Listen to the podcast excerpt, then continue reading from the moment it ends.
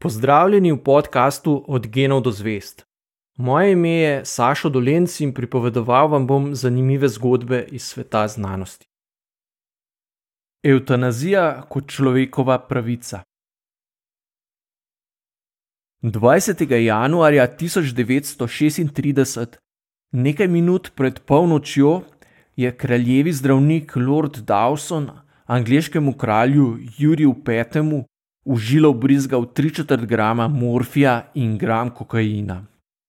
Na smrt bolnemu vladarju, ki je bil na prestolu od leta 1910, je skrajšal trpljenje v zadnjih urah življenja in mu omogočil spokojno smrt. Jutranji časopisi so oznanili, da se je kraljevo življenje po noči končalo mirno. Podobno smrt kot angliški kralj je zase čez nekaj let izbral tudi takrat 83-letni Zigmund Freud, ki je moral zaradi vzpona nacizma iz Dunaja pobegniti v London. Po dolgem boju z rakom se je konec septembra 1939 obrnil na svojega osebnega zdravnika in prijatelja z naslednjimi besedami: Dragi Šur, Gotovo se spominjaš najnega pogovora. Obljubil si mi, da me ne boš izneveril, ko bo prišel moj čas. Sedaj je vse skupaj le še mučenje, ki nima več nobenega smisla. Max Schur je Freudu, ko je dobil naslednji napad hude bolečine, ubrizgal injekcijo morfija, zaradi katere je mirno zaspal.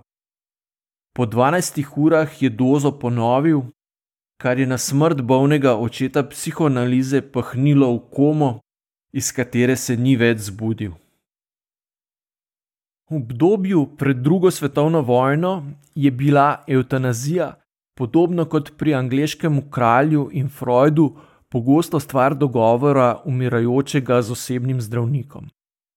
Danes sta eutanazija in pomoč pri samomoru zakonsko urejeni le na Nizozemskem, v Belgiji, Luksemburgu, Kanadi, Kolumbiji, Švici in nekaterih predeljih ZDA, drugot pa prepovedani.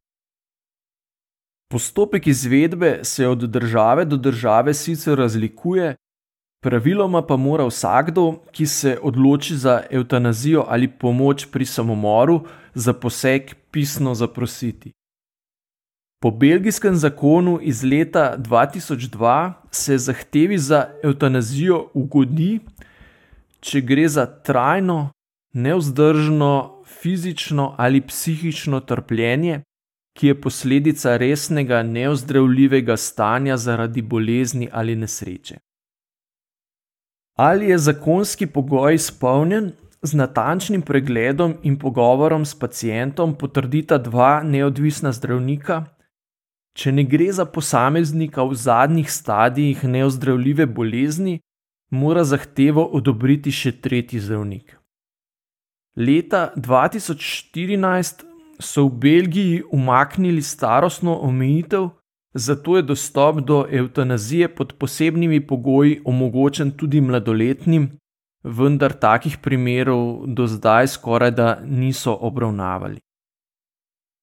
V državah, kjer je eutanazija ali pomoč pri samomoru zakonsko urejena, lahko zdravnik potem, ko so izpolnjeni formalni pogoji, napiše recept za poseben napitek, ki ga posameznik, ki se odloči za smrt, samostojno popije, po nekaj minutah zaspi kmalo na to pa nastopi smrt.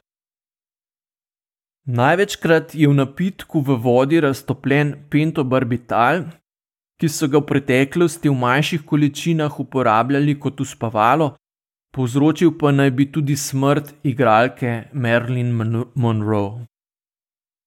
Po javno dostopnih statistikah so od sprejetja zakona leta 2002 do leta 2016 v Belgiji izvedli nekaj manj kot 15 tisoč eutanazij.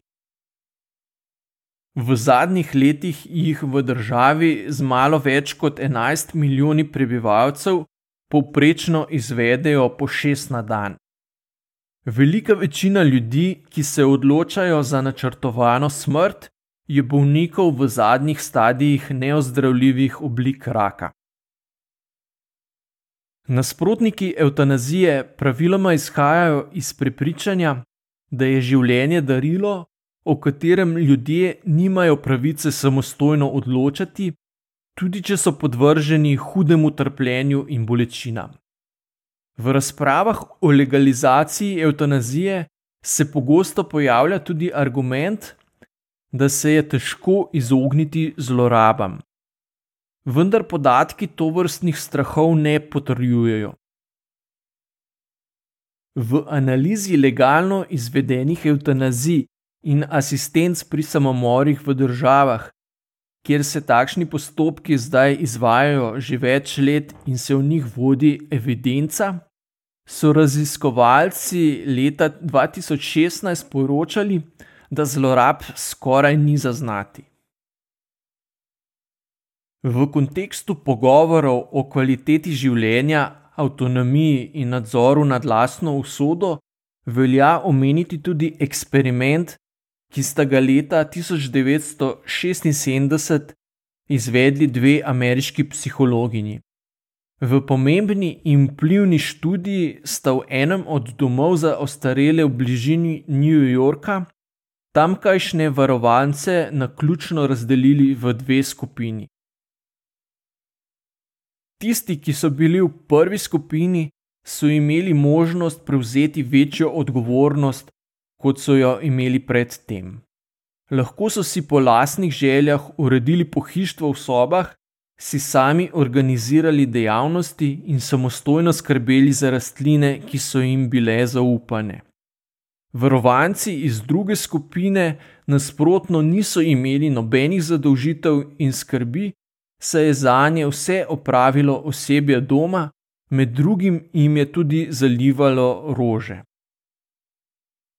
Po letu in pol sta raziskovalki ugotovili, da so bili starejši, ki so imeli večjo avtonomijo, poprečno boljšega zdravja kot tisti, ki niso imeli nobenih skrbi in zadolžitev. Študija je naslednja desetletja pomembno vplivala na razumevanje potreb starejših in urejanje razmer v domovih.